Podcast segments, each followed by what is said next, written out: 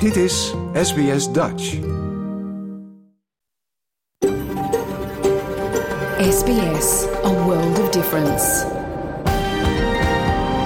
You're with SBS Dutch on mobile, online and on radio. Dit is SBS Dutch op mobiel, online en op radio. Graag erkennen wij de traditionele eigenaren van het land van waar we vandaag uitzenden. SBS Dutch betuigt haar respect aan de Camaragal mensen en hun ouderlingen uit het heden en het verleden. Ook erkennen we de traditionele eigenaren van alle Aboriginal en Torres Strait Islander landen van waar u vandaag naar ons programma luistert. Hele goede morgen en welkom bij SBS Dutch, het Nederlandstalige radioprogramma van SBS. Het is woensdag 3 mei 2023 en mijn naam is Paulien Roesink. Vandaag aandacht voor het onderzoek van het Australian Institute of Health and Welfare naar obesitas onder Australiërs. We praten ook met marineonderzoekster Dr. Anneke van der Brink over de oester. En hoogleraar professor Hamid Sourabi van Murdoch University in Perth legt uit wat de Dutch Type CAA is en waarom hij op zoek is naar mensen die deze genetische afwijking hebben. Er is ook een nieuwe aflevering van de SPS Settlement Guide. Daarin hoort u wat de gevolgen kunnen zijn als u uw boete helemaal niet of niet op tijd betaalt. Ik zou zeggen dat en muziek allemaal straks, maar snel beginnen met het nieuws.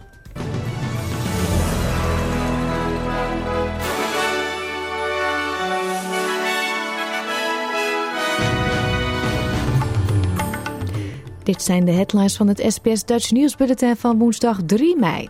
Premier Anthony Albanese zal trouw zweren aan koning Charles. Meer Australiërs geëvacueerd uit Sudan. En FIFA-voorzitter boos om laag bod op uitzendrechten WK voor vrouwen.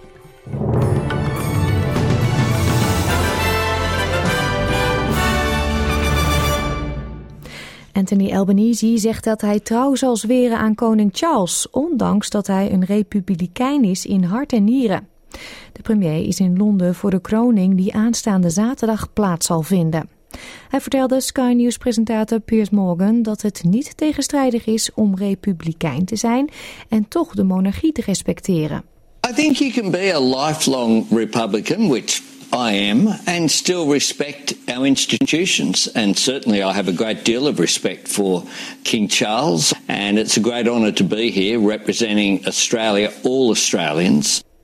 Eerder op de dag had Anthony Albanese een ontmoeting met de koning. Later ging Buckingham Palace korte tijd in lockdown nadat een man vermoedelijk jachtweerpatronen op het paleisterrein had gegooid. De man werd door de politie gearresteerd en zijn tas werd gecontroleerd, door, gecontroleerd tot ontploffing gebracht. Volgens de politie gaat het niet om terrorisme, maar om een mental health incident. Tot op heden zijn meer dan 190 Australiërs en hun familie Sudan ontvlucht. Vannacht hielp een vliegtuig van de Australische luchtmacht met de evacuatie van nog eens 36 Australiërs en burgers uit zes andere landen. De evacuees verblijven nu op Cyprus. Penny Wong, de minister van Buitenlandse Zaken, zei bij ABC Radio dat de autoriteiten contact hebben met de Australiërs die zich geregistreerd hebben over hun verdere vertrek. Well, they should uh, register with us. Uh, the uh, I have uh, with the DFAT portal, which enables registration. Most have registered, as far as we are aware, uh, and that will ensure that we can keep in contact with them. I would emphasise it's a very volatile situation, uh, and. Uh, the security situation is worsening. So obviously, we are doing all we can in circumstances where we do not have anybody uh, on the ground from the Department of Foreign Affairs. We've deployed additional officers to neighbouring countries uh, for to assist people once they have exited Sudan. De Groenen hebben felle kritiek geuit op de laatste verhoging van de rente door de Reserve Bank of Australia, de RBA. Ze roepen de Treasury op om de beslissing terug te draaien. Het bestuur van de RBA kondigde gisteren een verhoging van de rentetarieven aan. De contante rente komt daarmee door de verhoging van 0,25% op 3,85%. Australische huishoudens komen hierdoor nog meer onder druk. Partijleider van de Groenen, Adam Bent, zei tegen de ABC dat dit een onjuiste beslissing was. It's time for the government to step in, um, freeze the mortgage rates, freeze uh, rents, freeze power bills, and pay for it by making these big corporations pay their fair share of tax. That is how you tackle inflation, uh, get it under control without hurting everyday people. But at the moment, it's everyday people who are bearing the brunt um, of not only the inflation crisis, but are now being asked to do the heavy lifting to tackle it as well. It's not right, and the government needs to act. De partij pleit voor een bevriezing van twee jaar van de rentetarieven en de huurprijzen en de invoering van een maximale huursverhoging van 2%. Ook wil het dat het niet langer mogelijk wordt om mensen uit een huurhuis te zetten zonder geldige reden. Minister van Financiën Jim Chalmers zegt dat de regering serieus kijkt naar het beperken van de uitgaven na het besluit van de Reserve Bank gisteren om die dus die rentetarieven te verhogen. Aanstaande, dinsdag zal Chalmers de federale begroting indienen, die volgens hem gericht zal zijn om de kosten van levensonderhoud te drukken voor de meest kwetsbaren, zonder dan de inflatie aan te wakkeren. Obviously, uh, one of the important tasks of the budget is to make sure that we can provide cost of living relief without adding substantially to the inflationary pressures in our economy. And one of the difficult uh, judgments that we have to make as we put the finishing touches on this budget is how to provide that cost of living relief that people need. How do we target it at the most vulnerable Australians uh, at the same time as we show restraint elsewhere in the budget? Steden in de Verenigde Staten die al moeite hebben om onderdak en andere diensten te bieden aan duizenden migranten, roepen op tot federale hulp en om een einde te maken aan de politieke spel van sommige republikeinse gouverneurs. Het aantal mensen dat illegaal de Amerikaanse grens met Mexico oversteekt, zal naar verwachting sterk toenemen wanneer de asielbeperkingen die tijdens de pandemie werden ingevoerd over negen dagen eindigen. In Chicago is het aantal asielzoekers de afgelopen dagen vertienvoudigd. Onderdak is schaars en migranten die wachten op een bed slapen op de grond in politiebureaus en luchthavens. Baltasar Enriquez van de Little Village Community Council zegt dat ze gewoon niet voorbereid zijn. Children want to go to school and they want to get educated and you know some of them are very prepared. They have the education. We got nurses, we got good people that are sitting there and they're not being able to utilize their skills because of all the bureaucracy. Sportnieuws dan. FIFA-voorzitter Gianni Infantino heeft de beste voetballanden van Europa gedreigd met een uitzendstop voor de Women's World Cup van dit jaar, als zij hun bod voor de uitzendrechter niet verhogen. Infantino maakte bekend dat de omroepen slechts tussen de 1 en 10 miljoen dollar hebben geboden voor de rechten. En dat is niets in vergelijking met de 100 tot 200 miljoen dollar voor de rechten op het WK van de mannen. De voorzitter noemt de biedingen van de Big Five onaanvaardbaar en een klap in het gezicht van de speelsters en alle vrouwen wereldwijd. Now for the Women's World Cup, they make us offers of 10 to 100 times less than uh, for the Men's World Cup. 100 times less. Now, when you look at the viewing figures of the Women's World Cup, you compare it with the Men's World Cup, it is not 100 times less. It is maybe the, the Women's World Cup is maybe 50 to 60 percent of the Men's World Cup. De zogenaamde Big Five landen zijn Groot-Brittannië, Spanje, Italië, Duitsland en Frankrijk. Het WK voor vrouwen, dat wordt georganiseerd door Australië en Nieuw-Zeeland, begint op 20 juli. De wisselkoers dan. 1 euro is op, is op dit moment 1,65 dollar waard. En voor 1 Australische dollar krijgt u op dit moment 61 eurocent.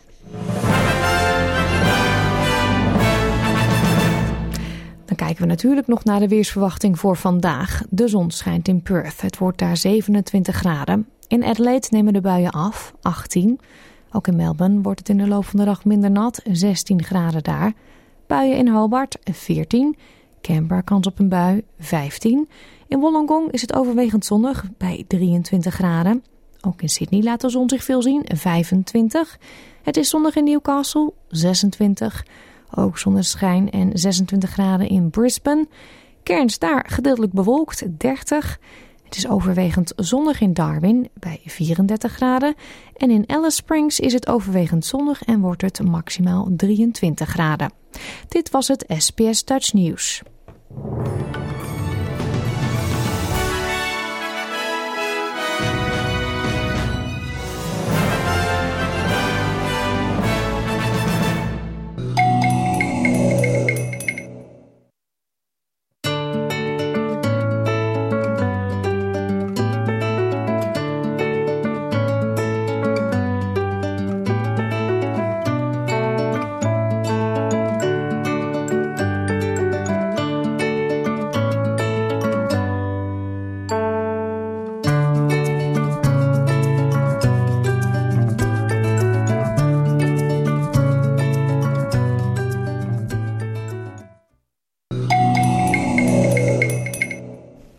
Nogmaals een hele goede morgen en welkom bij SBS Dutch. Straks duiken we dieper in het leven van de oester, oester met marineonderzoeker Anneke van der Brink. Maar we beginnen met een onderzoek naar obesitas. Het Australian Institute of Health and Welfare heeft namelijk onderzocht wat er zou kunnen gebeuren als Australiërs hun Body Mass Index, oftewel BMI, zouden verlagen of fysiek actiever zouden worden tussen 2018 en 2030. Uit analyse blijkt dat kleine verbeteringen een groot effect kunnen hebben op de ziektelast, de overgewicht en inactiviteit. Maar medische experts waarschuwen dat de regering Australiërs niet genoeg aanmoedigt gezonde keuzes te maken. SBS Dutch. Deel onze verhalen op Facebook. Vorige week vrijdag heeft het Australian Institute of Health and Welfare, het AIHW, de onderzoeksresultaten vrijgegeven. Het instituut heeft zich gericht op twee risicofactoren voor ziekte. De eerste is overgewicht of obesitas. De tweede is fysieke inactiviteit. U hoort professor Catherine Beckholer, mededirecteur van het Global Center of Preventive Health and Nutrition aan de Deakin University. We know now that overweight and obesity and physical activity now accounts for a greater proportion of the total health burden than tobacco does. Um, so essentially, you know, if we can reduce overweight and obesity rates and we can reduce uh, or increase physical activity rates, will have a major positive impact on the health of the Australian population by 2030. Volgens de analyse kunnen twee acties tegen 2030 helpen de ziektelast en sterfgevallen als gevolg van overgewicht en inactiviteit te verminderen. Mensen die risico lopen zouden hun body mass index, kortweg BMI, met één eenheid moeten verlagen, wat neerkomt op ongeveer 3 kilogram gewichtsverlies voor Australiërs van gemiddelde lengte. Ook zou er elke week een extra uur bewogen moeten worden. Denk aan een zogenoemde matig intensieve activiteit, zoals stevig wandelen. De analyse sluit aan bij de doelstellingen van de Nationale Preventieve Gezondheidsstrategie en de Nationale Obesitasstrategie van 2022. De Nationale Obesitasstrategie is een tienjarig plan voor het voorkomen, verminderen en behandelen van aan gewicht en obesitas gerelateerde problemen in Australië. Het richt zich op preventie, maar omvat ook acties om Australiërs beter te helpen om hun gezondste leven te leiden. Jane Martin is de uitvoerend manager van de Food for Health Alliance. Ze zegt dat er sinds de release van de strategie weinig is gedaan. No, enough hasn't been done and um, we really need to see urgent action to address overweight and obesity and I think if more isn't done, the problem will just continue to get worse. Volgens de strategie heeft Australië een van de hoogste percentages zwaarlijvigheid ter wereld. In 2017 tot 2019 stond het land zelfs op de vijfde plaats van alle OESO-landen met 31% van de volwassenen die obesitas heeft. Volgens mevrouw Martin zeggen deze gegevens genoeg en is het noodzaak om te investeren in beleidsmaatregelen. Well, I think um, promoting um, fresh fruit and veg is really important. And at the moment, what's being promoted out there in the public is uh, highly processed, energy dense, nutrient poor foods. So, you know, the unhealthiest processed foods.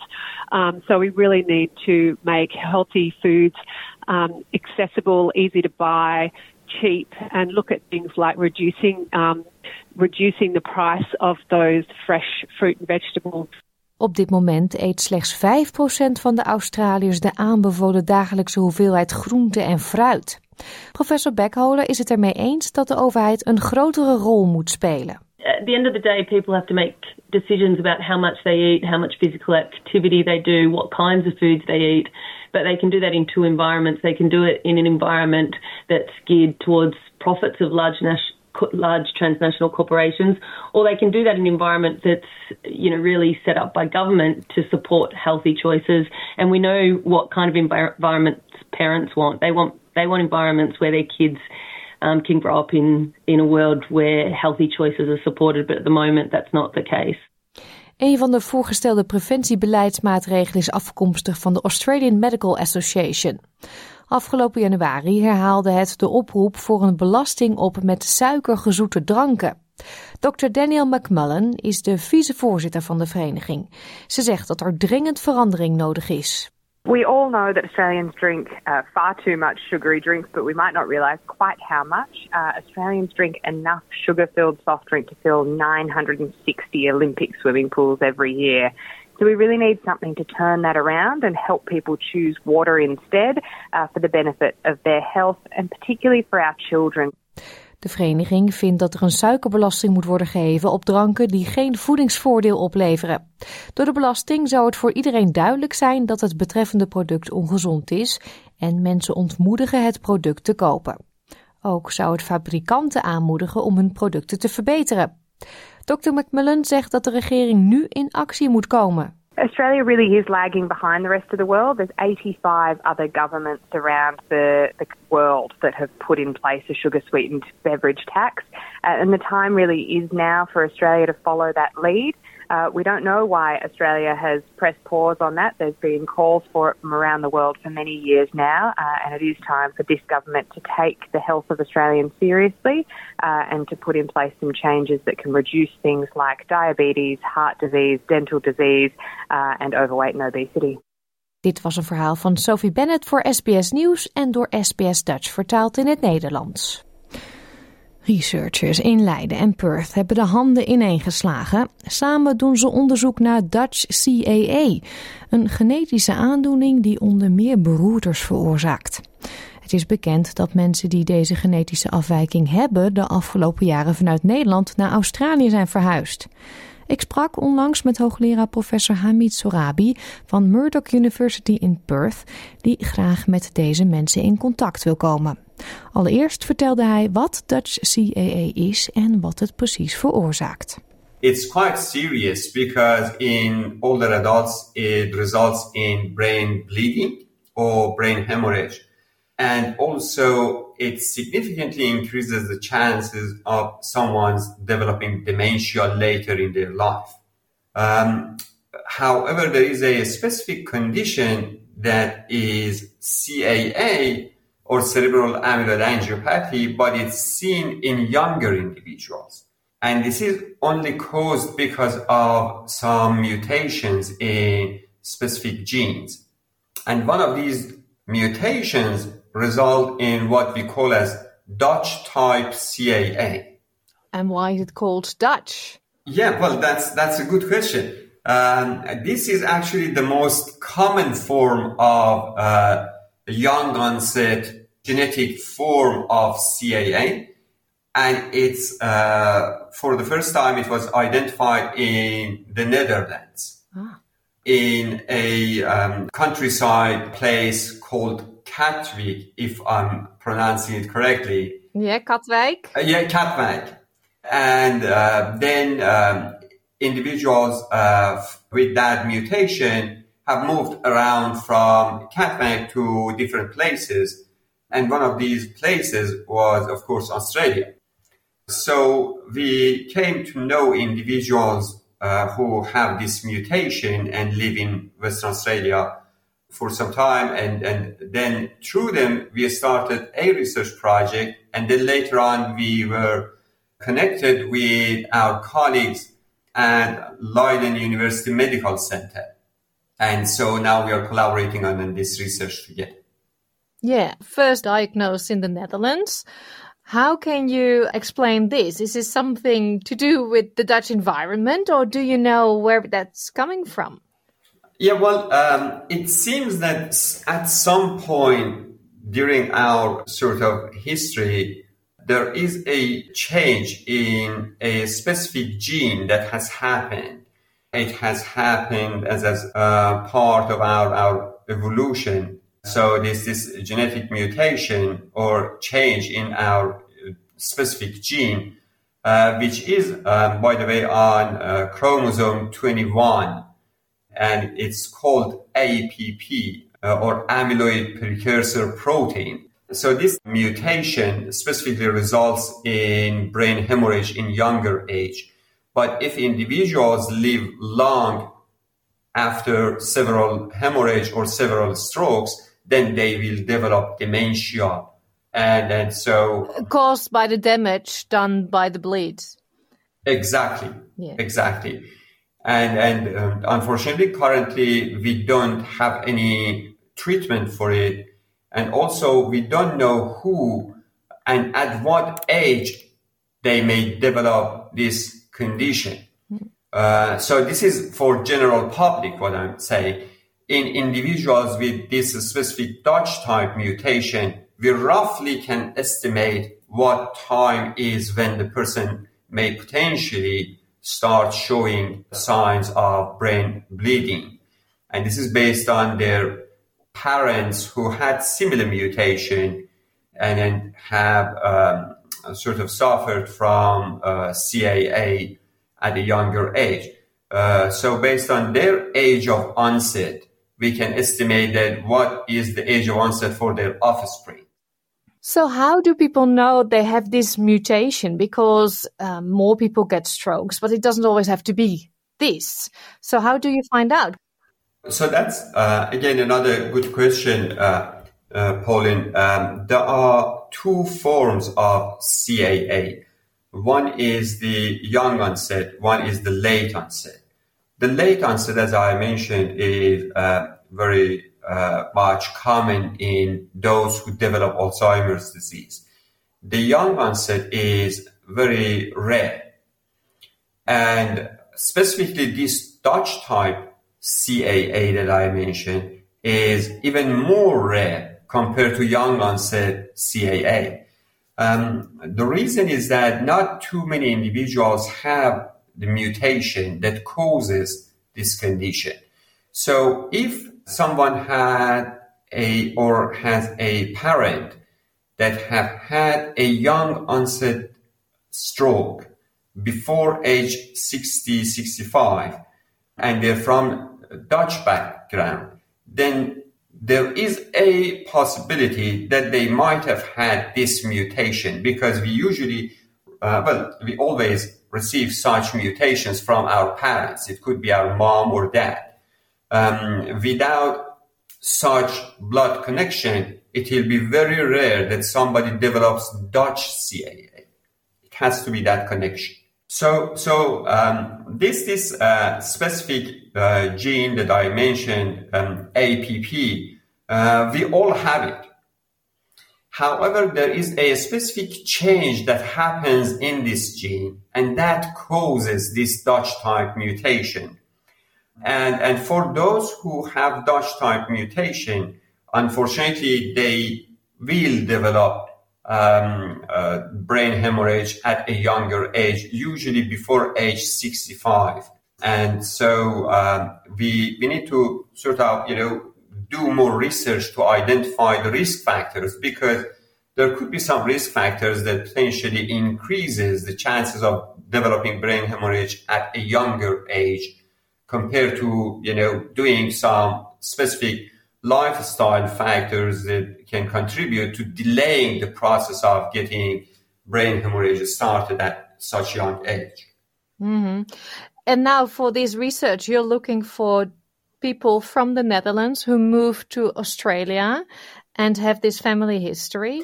Yes, that's correct. We are looking for anyone aged 25 to 60 years old who has a family history of Dutch CAA or a family history of very young onset um, brain stroke. But they have to be from Dutch background that we can include them in this study. Uh, we have a um, large family here in Western Australia who have been helping us with our research, supporting significantly our understanding of uh, how this disease progresses. However, we need more participants to confirm some of the findings that we had and also to progress to the next stage, which will be hopefully at you know one point will be a clinical trial where we are capable of investigating some drugs that may change the course of the disease for those who are suffering from this condition. Mm-hmm. If somebody thinks, hey, I might be someone with this family history, what do you expect from those people? Will it cost them a lot of time? Do they have to come to WA? Because you are in WA at Murdoch University. Yeah, that's that's correct. So um, what we uh, need from them is to get in touch with us, and then if we confirm that they have such mutation, then we will be inviting them to come to Western Australia. Of course, we will be paying for all the costs and and uh, also insurance and everything else that may come with it. That way, we minimize the burden to someone who wants to be a volunteer in this study.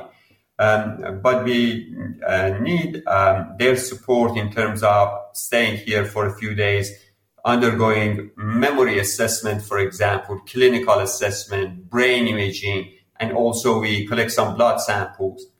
Then, based on uh, the information that we collect, we ask them to come back for another round of assessment over 12 months. So this, this project is expected to be finished hopefully by the end of 2024. The sooner we get more participants, the better we will be off later on with uh, our studies outcomes.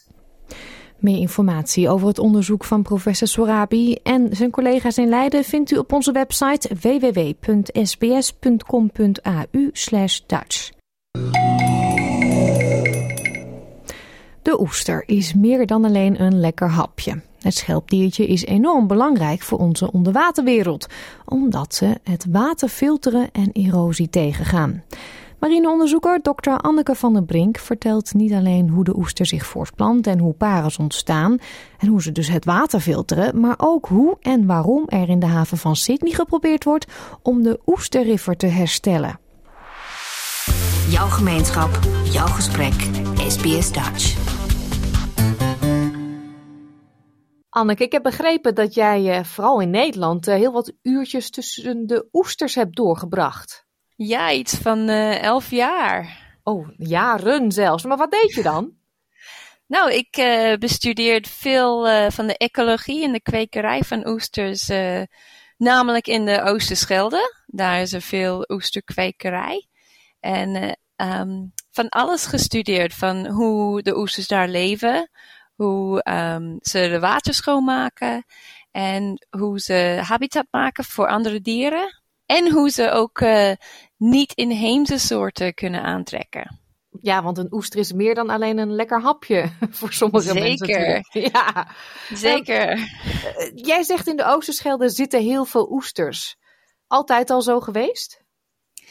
Nou ja, maar meer van een ander soort. De Europese platte oester was uh, voornamelijk de, de grootste kwekerij in, in dat gebied. Maar in de jaren zestig was er een uh, parasiet die uh, kwam, Bonamia heet het. En dat heeft de hele populatie gedecimeerd. Er zitten nog steeds wat, maar um, veel minder dan vroeger. En nu zijn er allerlei projecten om het te herstellen. Maar in die tijd dachten ze om die oesterkwekers te ondersteunen, zullen ze de Japanse oester vanuit Frankrijk naar Nederland brengen. En um, omdat het te koud was in Nederland voor die oesters om te voorplanten, zouden ze in die kwekerijbakken, die oesterputten, blijven. Helaas, of niet helaas, wie weet. Uh, in de jaren zeventig waren er twee warme zomers. En dan hebben de oesters lekker voorgeplant. En nu zitten ze overal uh, op de kust van Nederland, in de Oosterschelde, um, overal, in de Waddenzee. Ja, en zijn dat dan andere oesters die dan dus die wij vinden hier in Australië? Ja, de Japanse oester in Nederland, dat, dat noemen ze hier de Pacific oyster.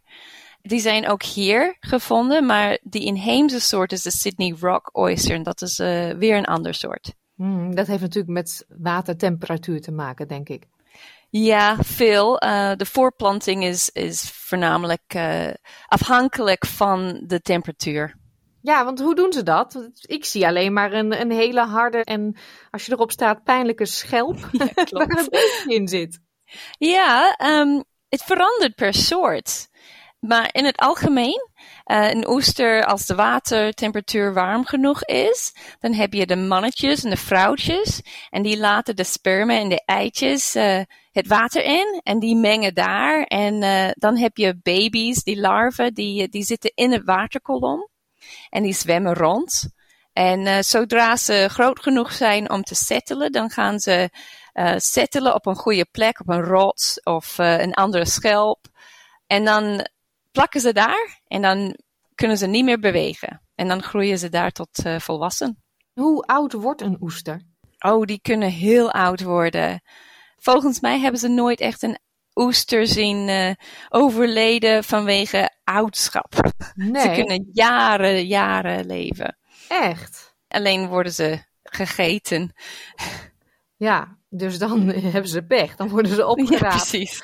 Nou, nou zijn Precies. er natuurlijk uh, oesters waar parels in gevonden worden. Klopt. Maar niet in allemaal. Hoe ontstaan die parels?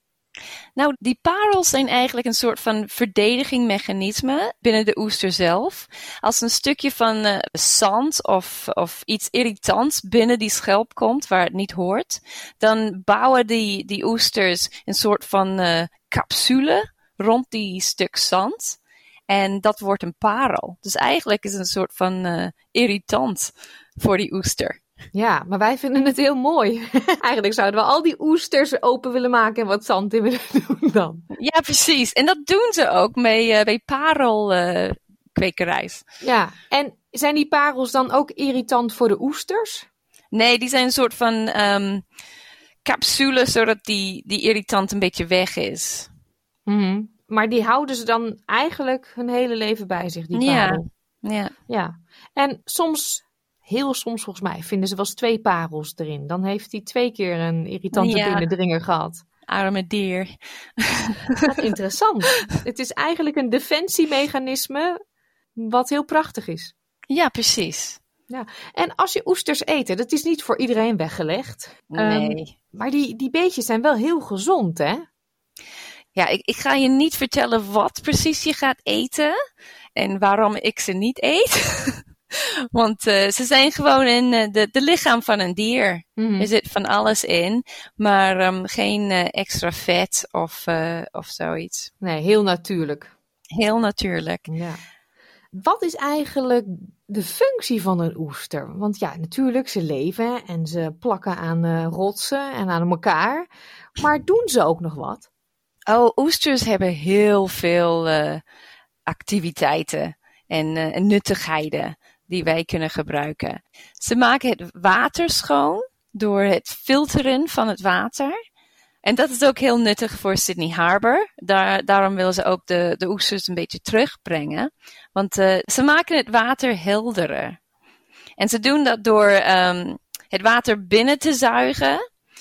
En dan het water over hun kieuwen te dragen. En al die kleine stukjes zand, al die vuilnisstukjes van het water, die gaan uh, uitgehaald worden. En het schone water is weer teruggezet in het, uh, in het waterkolom.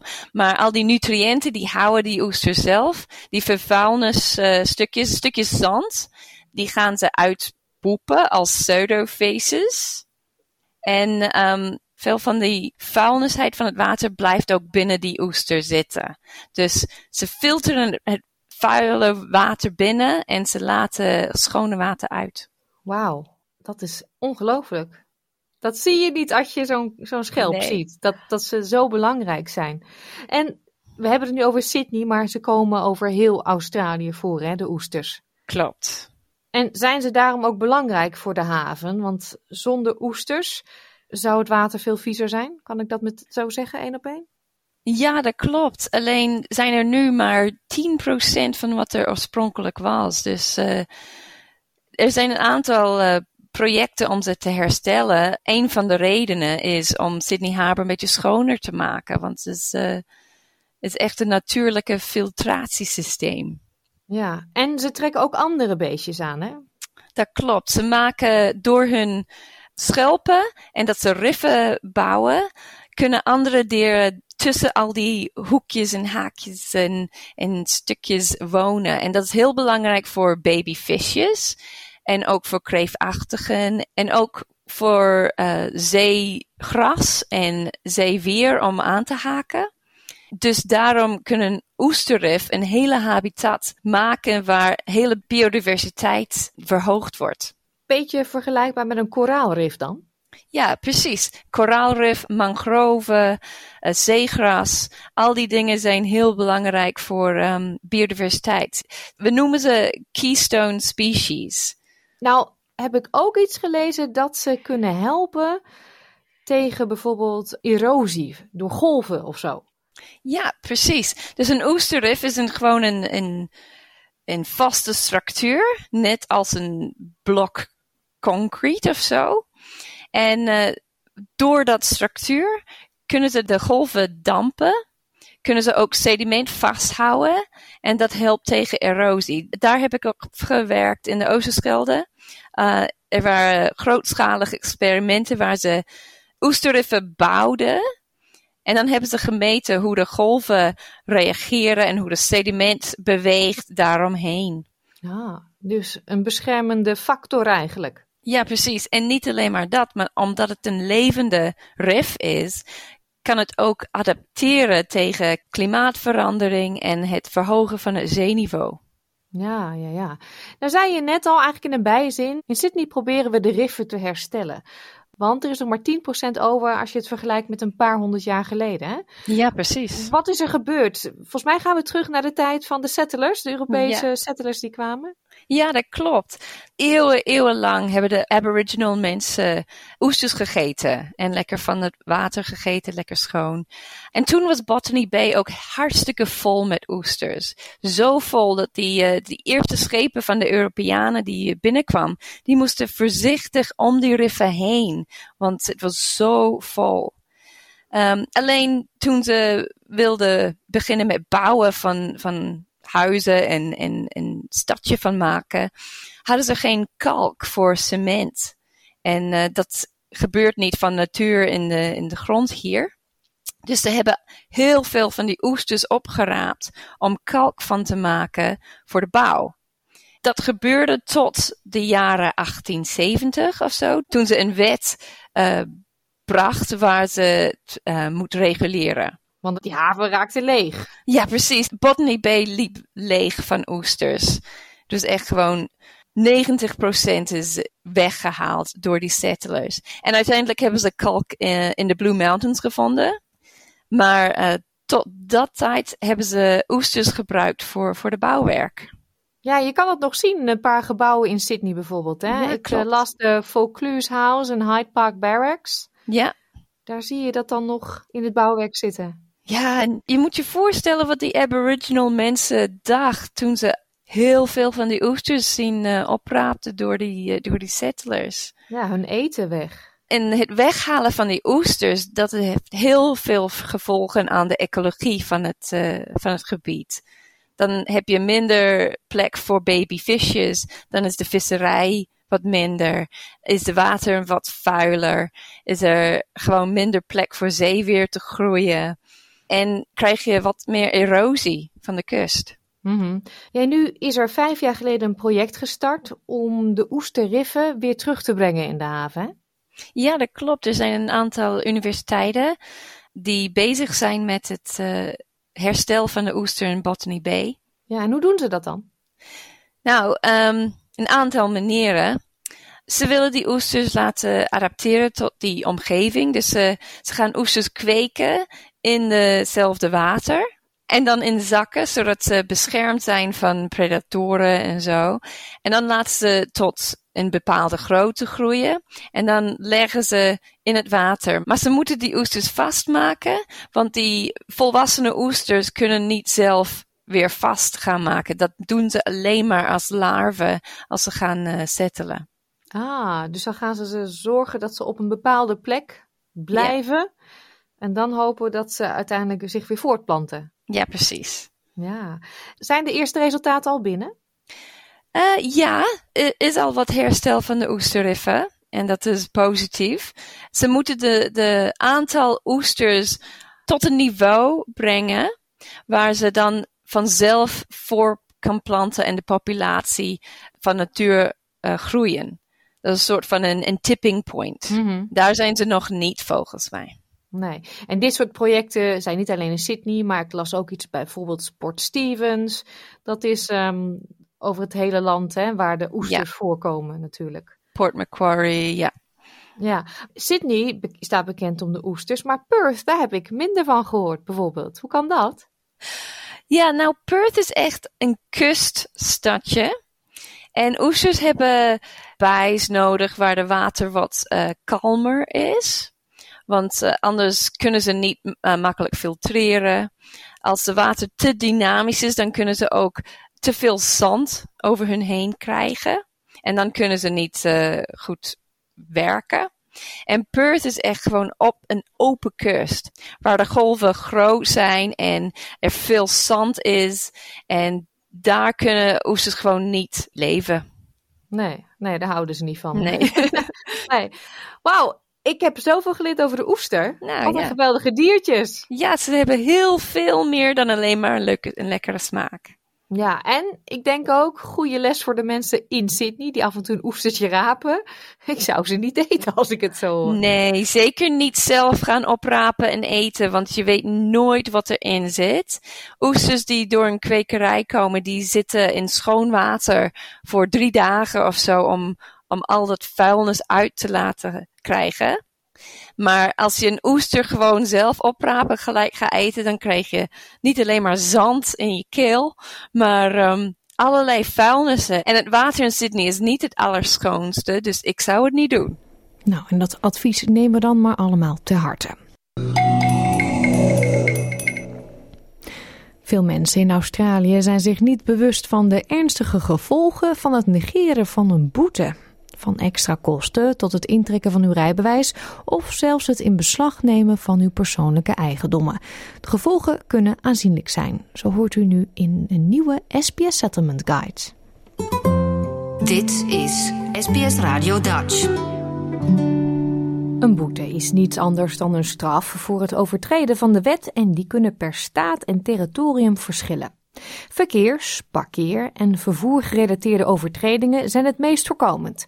Maar Julia Quilter, professor in de rechten aan de Universiteit van Wollongong, zegt dat er nog veel meer zijn. If you don't, for instance, turn up to jury duty, you can be fined for not doing that. Or if you don't vote at one of the compulsory elections in Australia, I mean, you can be fined for swearing in public. So it's known as offensive language. And now typically the offence is dealt with by way of a fine. You can be fined for dumping rubbish somewhere, for smoking in a place where you're not allowed to smoke. Verschillende overheidsinstanties handhaven en beheren boetes, afhankelijk van waar u in Australië woont en het soort overtreding. Ook het handhavingsproces kan verschillen. Nadat een kennisgeving van de overtreding is ontvangen, heeft de persoon meestal de mogelijkheid om de boete te betalen, een verzoek tot herziening in te dienen bij de relevante instantie of de boete aan te vechten bij de rechtbank. Dr. Quilter adviseert mensen goed na te denken over een situatie voordat ze besluiten naar de rechtbank te stappen. A fine is actually a criminal offence. And so if you pay it off, it doesn't go on your record. But if you elect to deal with that in court and it's upheld, then that forms part of your criminal record. People don't actually realize that. So sometimes people think, oh, it's outrageous that I've been issued this fine. I'm going to contest this in court. But most of the offences for which fines are issued are very hard to argue against. Kirsty Harrison is een Work Development Order advocaat bij Legal Aid New South Wales en gespecialiseerd in boetes. Ook het laten afhandelen van een boetezaak door de rechtbank kan volgens haar leiden tot extra kosten en zwaardere straffen. People should get legal advice before they court elect. There are strict time limits that apply, so don't delay. People who are on visas should certainly get legal advice before they court elect because if they're not successful in court, a conviction can be imposed and that conviction may breach the behavioural conditions of their visa. Onbetaalde boetes vervallen niet en kunnen late fees met zich meebrengen die kunnen oplopen. De overheidsinstantie die verantwoordelijk is voor het innen van boetes in uw staat of territorium kan mogelijkheden bieden om uw boete in termijnen terug te betalen. In New South Wales kan bijvoorbeeld een betalingsregeling aangevraagd worden bij Revenue New South Wales. Maar er zijn meer mogelijkheden, zo legt mevrouw Harrison uit. There are a number of alternative kind of resolution options like payment arrangements, like work and development orders, like write off applications. There are a number of ways that people can get help. So I guess a key message is don't ignore the fine or don't ignore your fines. Either contact your local community legal centre or law access if you're in New South Wales and ask for some help. Hoewel straffen voor onbetaalde boetes per rechtsgebied kunnen verschillen, omvatten handhavingsmaatregelen doorgaans zaken als in beslagname van eigendommen of het afschrijven van geld van uw bankrekening. Craig Howard is de waarnemend adjunct-secretaris van Fines Victoria, het overheidsorgaan dat belast is met het beheer en de handhaving van boetes in die staat. Hij schetst enkele consequenties waar wanbetalers mee te maken kunnen krijgen. So if you fail to pay the fine, fees will be added. Those fees will depend upon the nature of the underlying fine, so they differ. But it does mean you now have to pay more. In addition to that, enforcement action can be taken against a person. Enforcement action includes a range of things such as the sheriffs can wheel clamp your car, Alternatively, the Director of Fines Victoria can ask the Transport Authority to suspend your registration until you pay the fine or to suspend your driver's license. Het tijdelijk schorsen of intrekken van het rijbewijs is een van de meest voorkomende manieren waarmee de betalingen van boetes wordt afgedwongen.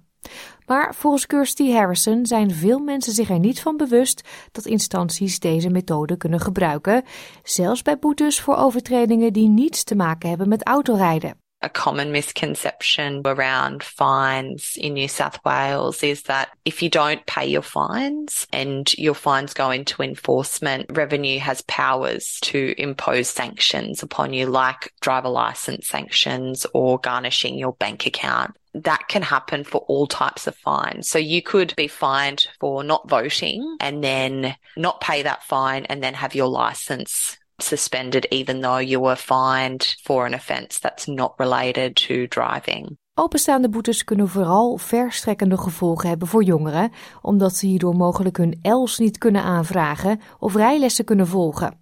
Maar ook het gezin van de jongeren kan er hinder van ondervinden, zo legt Dr. Quilter uit. In Australia, the fine system is such that anybody can pay off somebody else's penalty notice. For instance, in relation to young people, it may be that a parent takes on the responsibility of paying that fine for the young person. Now, of course, this has real hardship effects where the young person doesn't live in a situation where a fine can be simply paid off by a parent, whereas for a better off family, that may well be something that they're prepared to do. So it does have disproportionate effects.